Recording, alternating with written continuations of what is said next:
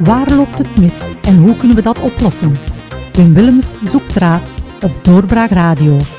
Horizon 2024. Uh, we hebben hier bij ons de gast vandaag. Uh, fact check. Niet elke arts deelt de mening van de televisie-expert. Dr. Erwin Anijs. Goedemiddag. Goedemiddag, Wim. Dag dokter. Uh, dokter, ja, je hebt een boek geschreven. Fact check. Niet elke arts deelt de mening van de televisie-expert. Um, ondertussen is dat boek al bijna in derde druk bezig. Klopt. Het is ongelooflijk hoe dat verkoopt, hè? Ik ben tevreden dat uh, toch wel uh, mensen nood hebben aan een, aan een ander verhaal hè, dan wat we de voorbije twee jaar hebben gehoord. Veel mensen merken toch dat er zaken gebeurd zijn die, die niet kloppen. En, en denk ik uh, dat ze toch ook het belang inschatten van iemand die uh, in de praktijk gestaan heeft, die als, als arts-specialist in de ziekenhuizen de uh, corona heeft meegemaakt, en die je bezwaarlijk een septicus kunt noemen. Hè, want, en ik denk dat mensen dat inderdaad toch wel appreciëren, dat er ook an, iemand die in het beroep staat durft, durft spreken en een eh, enige kritiek durft geven aan, aan wat er gebeurd is. Ja, want ja, jij was NKO-arts in, uh, in Sint-Truiden ziekenhuis, uh, diensthoofd. Um, je hebt Sint-Truiden groot gemaakt, mee groot gemaakt. Hè? Uh, Ik heb mijn steentje bijgedragen. Ja, um, je neemt daar dan op een bepaald moment ontslag, omdat je het niet eens was. je bent eerst en vooral toch geen corona aan het kennen, want je hebt zelf corona maar nogmaals, meegemaakt. Uh, ik heb het allemaal meegemaakt. Hè. Ik ben, uh, zoals iedereen in het begin, uh, wisten we niet wat er op ons afkwam. Waren we een beetje mee in die angstpsychose. en heb ik ook zelf op dat moment mijn personeel naar huis laten gaan om hen, hen, niet in gevaar te brengen. Ik heb dan ook deelgenomen aan de solidariteitssysteem, wachtsysteem, waarbij dat wij coronapatiënten gingen opvangen dus ik heb twintig jaar tijdens mijn carrière niet in het ziekenhuis ingeslapen, maar tijdens die periode nam ik dus deel aan een wachtdienst waarbij ik insliep, waarbij ik uh, op spoed uh, coronapatiënten mee hielp opvangen. En waarbij ik dan ook overdag uh, coronapatiënten toerde. Hè, dus ging opvolgen, ging kijken van wanneer moeten welke patiënt naar intensieve zorgen gebracht worden en dergelijke meer. Dus ik heb de ellende gezien. Ik, ik heb gezien dat er natuurlijk mensen stierven aan corona. Maar ik heb ook eh, de realiteit gezien van welke mensen sterven aan corona. En ook de onmenselijkheid uh, vaak ieder van het systeem. Hè. Dus uh, de, de, gevolgen van de aanpak heb ik natu natuurlijk ook in eerste lijn kunnen zien. En natuurlijk ook de, de foutieve ja, berichtgeving. Hè, die, alles wat daar omheen hing. Hè. Ja, hoe, hoe, hoe, ging het bij jou de eerste dag corona? Dus toen je nog echt al in het ziekenhuis werkte. Hoe, wat, wat maar ik zeg het, wat, wat, gebeurde, wat gebeurde er bij jou? Want, want ja, toen was er nog geen sprake van de vaccins. Hè? Wel ja, in, in, in dat, op dat moment, wij zijn natuurlijk bekend met infectieziekten. Dat is onze opleiding, wij, wij weten hoe dat we daarmee moeten omgaan. Ik denk niet dat er echt veel... Natuurlijk is er een soort van uh, behoedzaamheid, hè, van wat, hoe ernstig is dit virus. Maar aan de andere kant zijn wij als zorgverleners daar niet echt bang voor. Hè. Dus uh, dat is onze opdracht, dat is onze job. Hè. Dus uh, de meeste zorgverleners die hebben dat... ja, natuurlijk, mentaal is dat, is dat een moeilijke periode geweest, maar uiteindelijk denk ik niet dat... dat nogmaals, dat is onze job eigenlijk. Daarvoor, dat is onze roeping. Ehm, dus we zijn daar denk ik allemaal goed mee omgegaan. Maar, maar wat er daar nadien bijgekomen is, dat, dat, heeft het natuurlijk voor veel, dat heeft onze job uh, grotendeels verziekt. Hè. Dus uh, laat ons zeggen dat in de, het eerste jaar waar er inderdaad nog geen vaccins waren, dat waren de twee belangrijkste pieken, hè, de twee grootste belastingsmomenten voor de ziekenhuizen. En dan vanaf dat de vaccins gekomen zijn, uh, en vooral ook de winter 21, 22, uh, waar, waar, men eigenlijk de perceptie gecreëerd heeft van een tsunami, uh, van een extreme overbelasting. Dat was eigenlijk natuurlijk grotendeels gefraudeerd hè, door allerlei cijfermanipulaties. En dat zie je dan in de eerste, in, in, in de, ja, je zit daar middenin, je ziet dat er uh, zaken worden gecreëerd die extra problemen opleveren. Bijvoorbeeld het ontzeggen van zorg, op momenten dat dat absoluut niet nodig was. Um, ja, waardoor extra mensenlevens uh, worden opgeofferd. Um, ja, heel veel zaken die je ziet misgaan. Je ziet dan ook het opleggen van die vaccinaties aan jonge mensen. Hè, want, want eigenlijk wisten wij al in 2020, nog voor de vaccins uh, op de markt kwamen, wisten we op basis nota bene van onder andere studies van Pierre van Damme en, en Geert Molenberg zelf, hè, de televisie-experten, die eigenlijk zelf in een artikel een, uh, in Eurosurveillance, tijdschrift Eurosurveillance, een artikel publiceren, een epidemiologische studie, waarin ze zelf aantonen dat dit virus uh, onder de leeftijd van 70 jaar voor jonge mensen en gezonde mensen en, en onder de 70 jaar vergelijkbaar is met griep. En, en, en, desondanks heeft men dan, zie je dan dat er toch een hele bevolking wordt achtervolgd. Eh, uiteindelijk zelfs dwangmatig, eh, met de dreiging van jobverlies eh, enzovoort.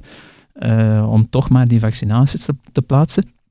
Ja, en dan zie je dat dat niet meer klopt. En, en dat probeer je dan als arts aan te geven bij collega's, medische raad, directie. En dat wordt niet in dank afgenomen. Um, je hebt, uh, er, er worden op dat moment zelfs voorbeelden gesteld, uh, artsen die worden geschorst en dergelijke. Mensen die, die proberen ja, de voor- en nadelen van de vaccins genuanceerd mee te geven. die worden in het kamp van de vaccin of de antivaxers of de, of de corona-ontkenners gedumpt eigenlijk. Hè. Ja. Is er ooit zoveel bureaucratie geweest als de dag van vandaag? Die, die vraag stel ik me, die, die, die vraag stel ik me toch wel. Ja, bureaucratie is een van de factoren die dit heeft mogelijk gemaakt. Hè. Terecht wat je zegt. Uh, dus, en men vraagt vaak hoe kan dit allemaal gebeuren? Dat, dat is zo'n, uh, zoveel onwetenschappelijkheid die we gezien hebben. Dat heeft voor een groot deel te maken met de bureaucratisering. Uh, dus het is zo dat ja, in principe zou de arts-patiëntrelatie centraal moeten staan. Wat je ziet uh, eigenlijk door schaalvergroting en uh, zie je bureaucratisering, je ziet het groter worden van ziekenhuizen, je ziet dat daar die arts-patiëntenrelatie minder belangrijk wordt. Uh, je ziet groeiende middenkaders, groeiende directiesystemen en, en je ziet ook buiten de ziekenhuizen het ontstaan van allerlei organisaties, overkoepelende organisaties. zorg en wetenschap, zorg net Curo, uh, Cienzano, allerlei organisaties waar vaak uh, mensen ook in zetelen die toch politieke achter, uh, banden hebben of die toch banden hebben met de industrie. En je krijgt dat er alsmaar meer beslissingen worden genomen die een rechtstreeks impact hebben op je arts-patiëntrelatie, waar je zelf geen, geen vat meer op krijgt.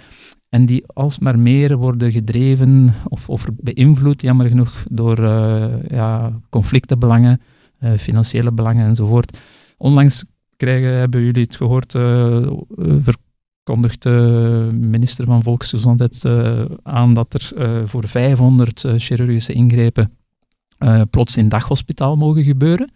En dat zijn zo van die zeer ingrijpende beslissingen. Waar de arts zelf geen vat meer op heeft. Maar de vraag is of dat, dat een goede zaak is voor de patiënt. Ik heb daar zeer sterk mijn twijfels bij. Hè. Dat betekent dat uh, een knieoperatie, een appendixoperatie, op de dag zelf naar huis.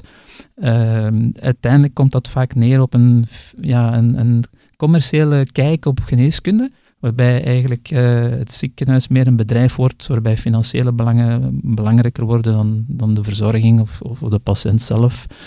Um, ja, ik heb dat als diensthoofd ook gezien, dat je dus de laatste jaren meer en meer eh, diende rekening te houden met de cijfers, hè, de omzet, uh, al die zaken, dat het daar meer om draaide dan om, om de kern van de geneeskunde. Ja, want wat je nu vertelt, want je, ja, je was diensthoofd, um, ga je in de toekomst niet meer mensen die dienst of, uh, of specialisten of topdokters, hoe dat, hoe dat we ze ook noemen, uh, gaan er niet veel meer zijn die zeggen van ja, ik doe dit beroep niet meer.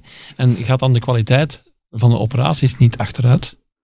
Want, want jullie zijn gedreven mensen, ja. maar als je gedreven mensen achteruit haalt, ja, ja, dan, dan, ga je minder kwaliteit krijgen volgens mij. Dat, dat, dat werkt demotiverend hè, als je bepaalde beslissingen ziet uh, of, of beslissingen die, waar je dan zelf geen vat meer op hebt. Hè. En ik denk dat uh, als je aanvoelt als, als arts, als specialist, als chirurg, dat eigenlijk de essentie, de core business, de kwaliteit van je werk, dat dat eigenlijk minder en minder aanzien heeft, ja, dan ga je zelf ook misschien geneigd zijn om te zeggen, ja, oké, ik, ik, ik doe hier mijn 9-to-5 job en, en ik kom hier mijn ding doen en ik kan het, al, ik kan het systeem niet meer uh, veranderen, dus dat kan, ja, dat werkt, dat kan zeker demotiverend werken. Of, of kan, kan het ook zijn dat er meer privéklinieken gaan komen in deze situatie? Dat kan, dat mensen andere oplossingen zoeken.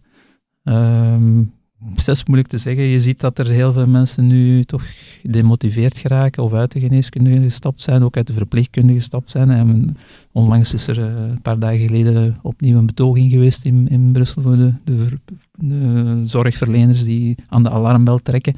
Je ziet dat er ook niks wordt gedaan structureel.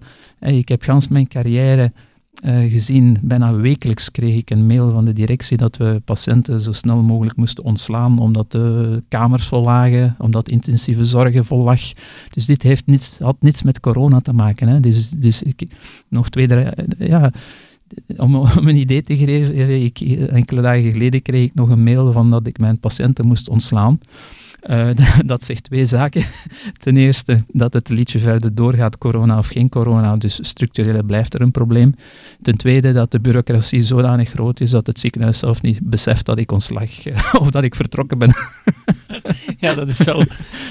Ja, dit, dit, is wel, dit is wel Monty Python op zijn best. Over Kafka, Kafkaiaanse toestanden, absoluut. Ja. Um, ja, je hebt dan jouw ontslag genomen. Um, je hebt er geen spijt van. Eh, Integendeel, denk ik zelfs. Maar je bent wel iemand die op de kar wil staan. Hè? Want je wilt bijvoorbeeld, een van de dingen die je wilt, dat is dat de maskers weg uh, moeten.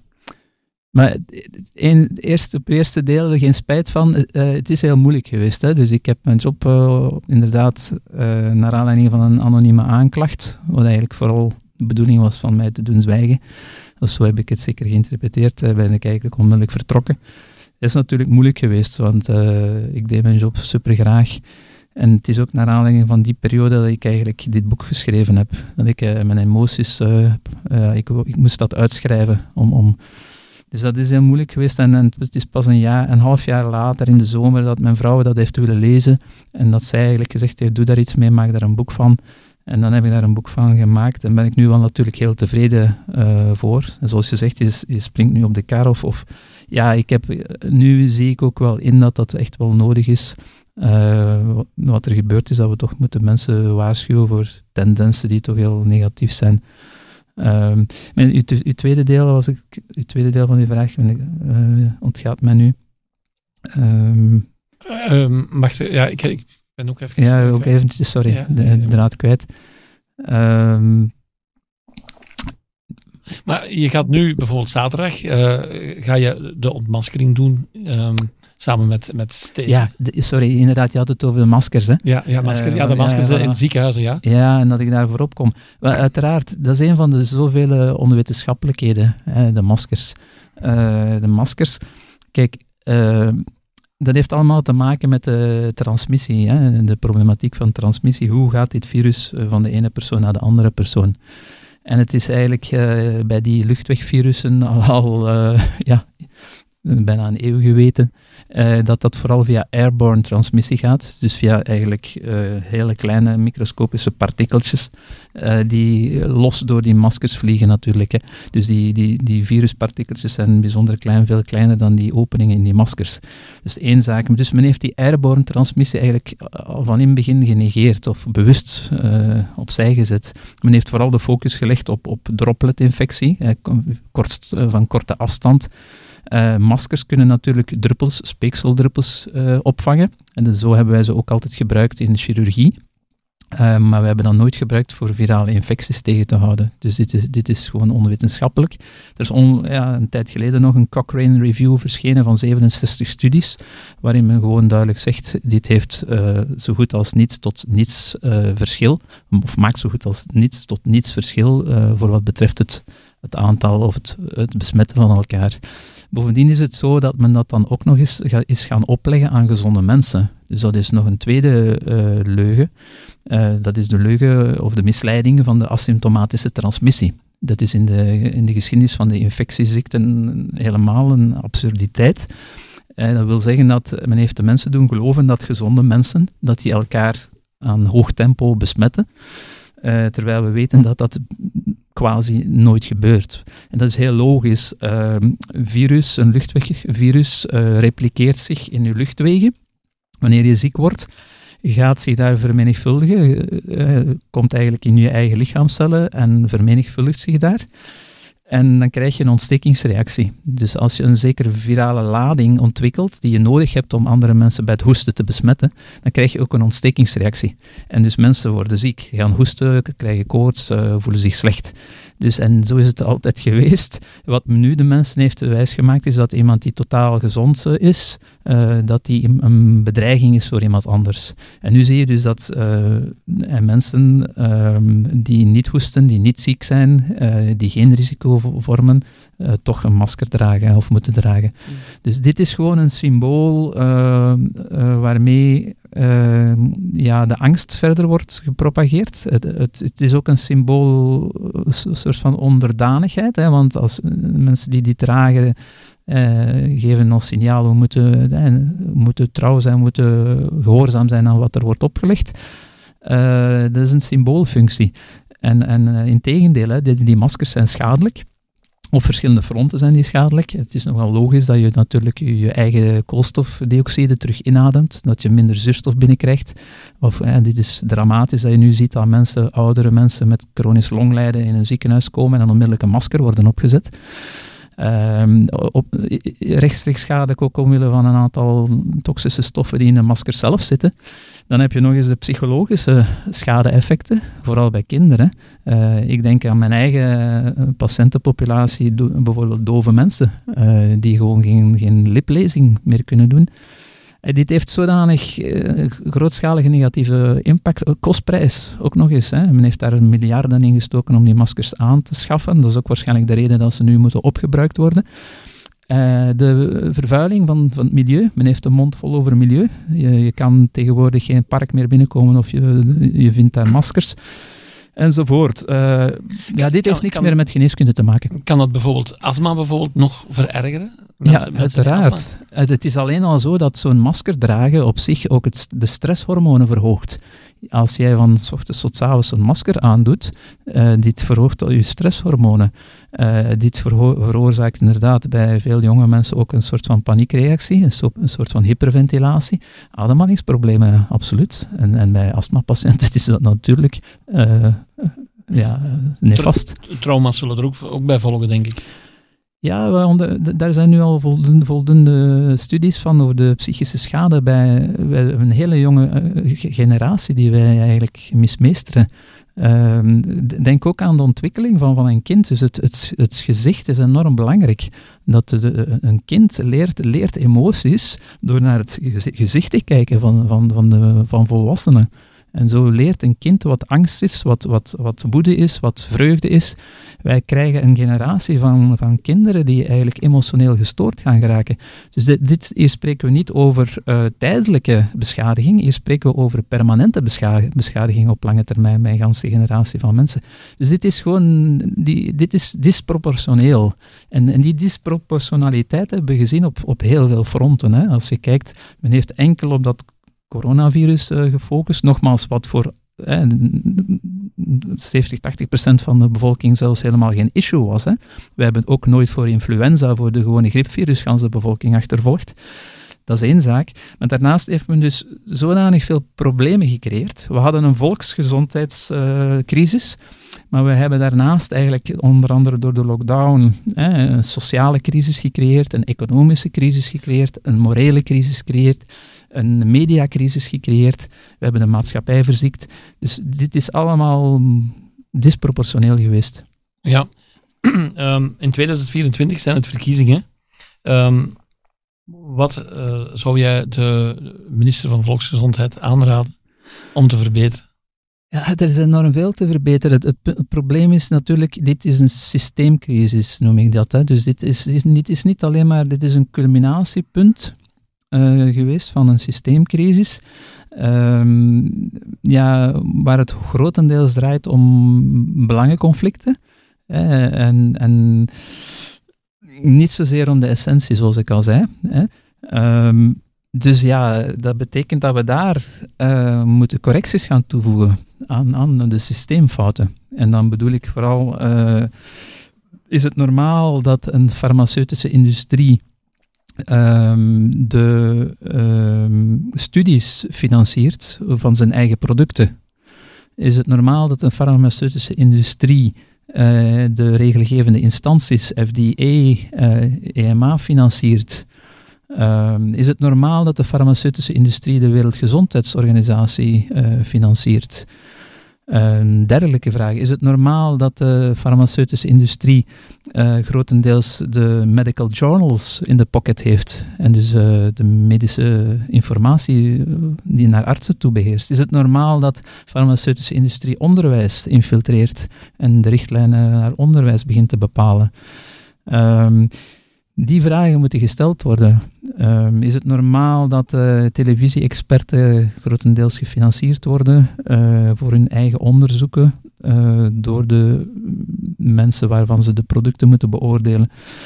Dus ja, daar zitten, zitten grote problemen. Ja. Dat is één zaak. Ten tweede is het zo dat we naar een, een geneeskunde geëvolueerd zijn ehm, die vooral symptomatisch is gericht, die eigenlijk niet meer oorzakelijk is gericht. Dat is voor mij een van de belangrijkste punten ook.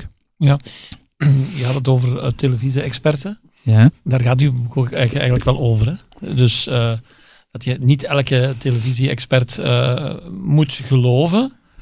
maar zijn er televisie-experten die wel te geloven zijn? In, in nou, het, het probleem is dat er heel veel goede, goede wetenschappers zijn, integere wetenschappers, integere artsen zijn. En die ook heel zich verenigen, onder andere in de World Council for Health, andere organisaties, die heel veel proberen teweeg te brengen, maar, maar uh, die inderdaad uh, geen gehoor krijgen. Um, ik zit hier nu ook bij u. Ik vind het fantastisch dat jullie toch wel een bredere kijk hebben. maar de 90% van de media wil geen ja, genuanceerd verhaal horen. Dus ik, ik wacht op een uitnodiging in de afspraak of in tafel van vier of in reguliere media. Ja. En ik denk dat ik een genuanceerd verhaal breng, dat ik een interessant verhaal breng. Ik denk dat ik eh, onmogelijk kan weggezet worden als, nogmaals, als een, iemand die eh, niet gelooft dat er een probleem is. Integendeel, ik denk dat ik een nuttige bijdrage kan leveren in de maatschappij. Maar dat mag niet op dit moment. Dus een, en dat is een heel groot probleem. Het is ook niet onlogisch als je kijkt dat in, in België en in, uh, dus de media wordt beheerst door twee groepen, uh, de DPG en, en uh, persgroep en, en de mediahuis. En dat we nu eigenlijk gezien hebben, ook al voor de komst van, van de vaccins, dat men die mensen onder invloed van politieke druk eh, de boodschap hebben gekregen, ja, zet eventjes de, ehm, onderzoeksjournalistiek opzij in, in het kader van het grotere belang. Het grotere belang was zoveel mogelijk mensen motiveren om zich te laten vaccineren. Maar uiteindelijk leidt dat tot een systeem, uh, een, een vierde macht, een media, die eigenlijk niet meer onafhankelijk kan werken en die geen onderzoeksjournalistiek meer kan doen. En dat vind ik heel gevaarlijk. Uh, want die hebben nodig. Uh, en ja, dat is, dat is een hele negatieve tendens. Ik denk dat zonder kritische onderzoeksjournalistiek, laat ons zeggen dat maatschappijkritiek wordt gelijkgesteld met desinformatie.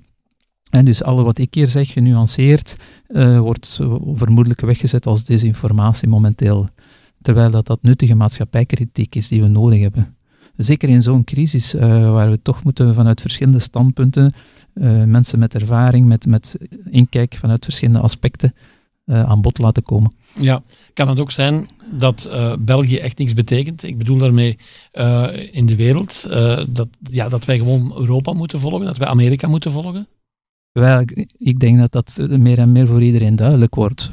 Uh, ik denk dat eigenlijk het nationaal uh, beleid, overheidsbeleid, meer en meer geïnternationaliseerd wordt.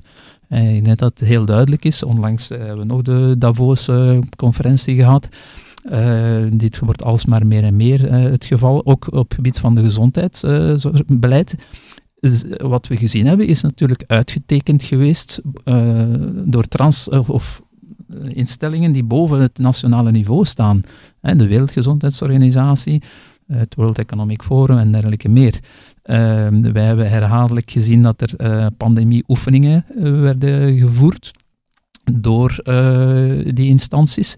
En, en die instanties hebben eigenlijk, uh, dat, is ook, dat is ook de reden dat we overal hetzelfde beleid hebben gezien, hè, wereldwijd. Hè. Dat is omdat dat op wereldschaal, op een geglobaliseerd niveau, uh, wordt voorbereid. En daarmee worden cruciale fouten gemaakt. In, in het gezondheidsverhaal heeft men daar gekozen voor massavaccinatie vanaf dag één. En dat, is, dat wordt nog altijd doorgetrokken. En waarom kiest men daarvoor massavaccinatie? Ja, daar, daarvoor moet je niet snugger zijn om, om dat uh, in te zien. Omdat natuurlijk de mensen die dit bepalen uh, vooral belangenconflicten hebben bij de farmaceutische industrie. Dat heb ik daar net al aangehaald. Ja. En dan zie je dat inderdaad nationale overheden daar blijkbaar niet meer, te, niet meer kunnen tegen reageren. Je ziet dat ook niet alleen in de volksgezondheidsproblematiek, maar ook uh, op economisch gebied zie je dat grote bedrijven uh, ja, dat, of dat de overheden zwichten, uh, die al langer bezig met het neoliberalisme, dat, dat, grote, dat overheden zwichten voor grote bedrijven. Dat grote bedrijven, laten we zeggen, toxische stoffen in de Schelde kunnen storten, jaren aan een stuk. En, en de kleine burgers, uh, ja, en, hetzelfde ook met het uh, belastingsverhaal. Hè. Als je ziet dat die bedrijven quasi niks aan belasting betalen en dat de burger 50% belasting betaalt. Ja. dat zijn inderdaad zaken die, die boven nationaal niveau worden be, besproken. En be...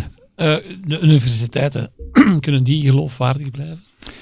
Het, want, want, daar heb ik, heb ik mijn mening ook. Allee, dus... Ja, maar het is hetzelfde liedje. Hè. Dus het probleem is Um, dat, dus, ik heb dat al verteld in, in de jaren. We hebben het Softenon-verhaal gehad, hè, dus met de thalidomide, waarbij baby's geboren werden zonder armen en zonder beentjes. En toen heeft men gezien: oh, de industrie, dit loopt hier fout, we moeten meer corrigeren.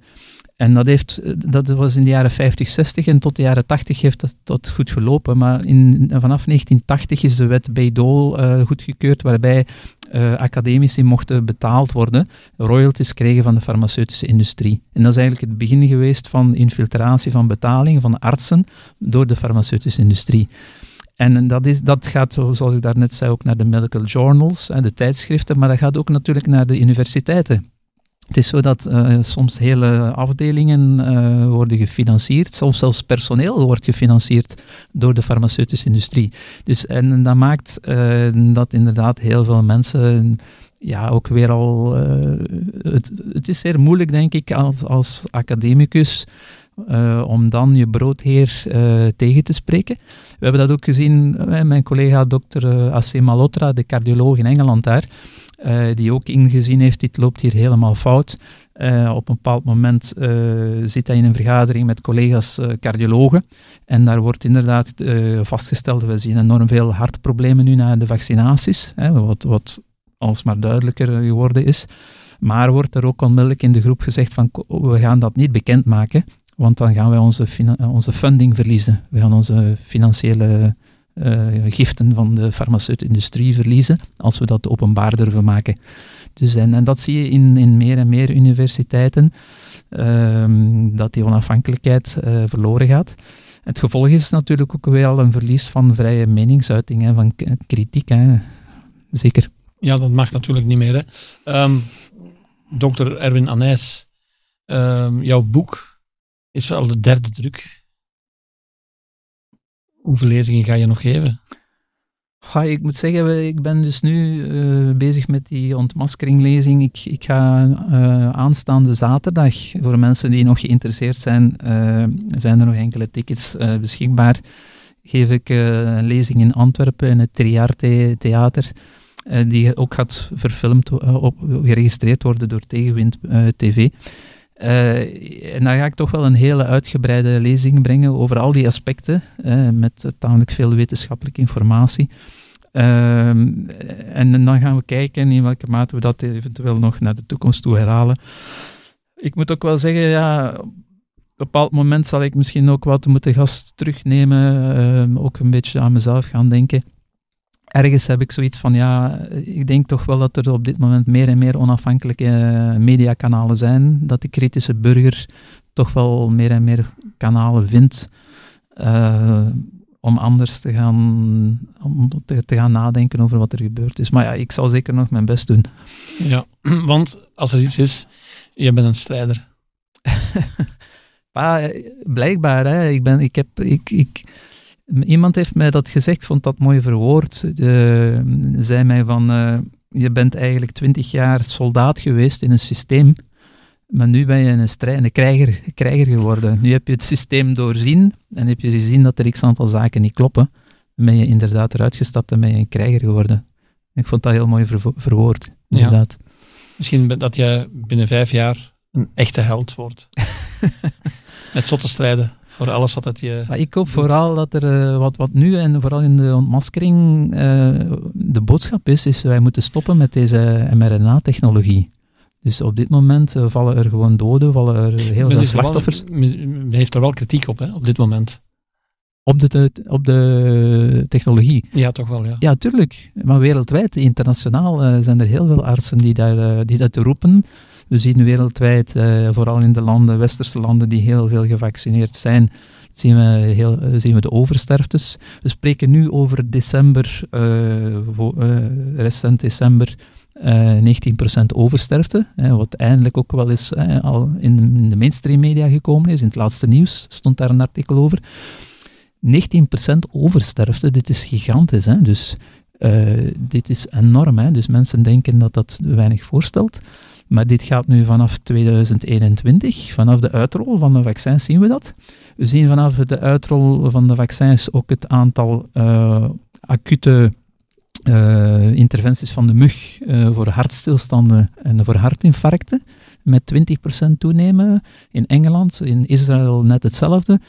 Eigenlijk, we, we, kennen de mechanismen. We weten perfect wat er aan de hand is met deze producten. We krijgen bij een x aantal mensen een, een immuunaanval op de eigen organen. En omwille van het feit dat het spike-eiwit dat geproduceerd wordt door deze vaccins niet beperkt blijft tot de schouder, maar naar gans het lichaam. Uh, op in gans het lichaam zijn effecten kan hebben. Dus we moeten dit absoluut stoppen. Want wat we nu zien is 20% oversterfte, maar bij jonge mensen.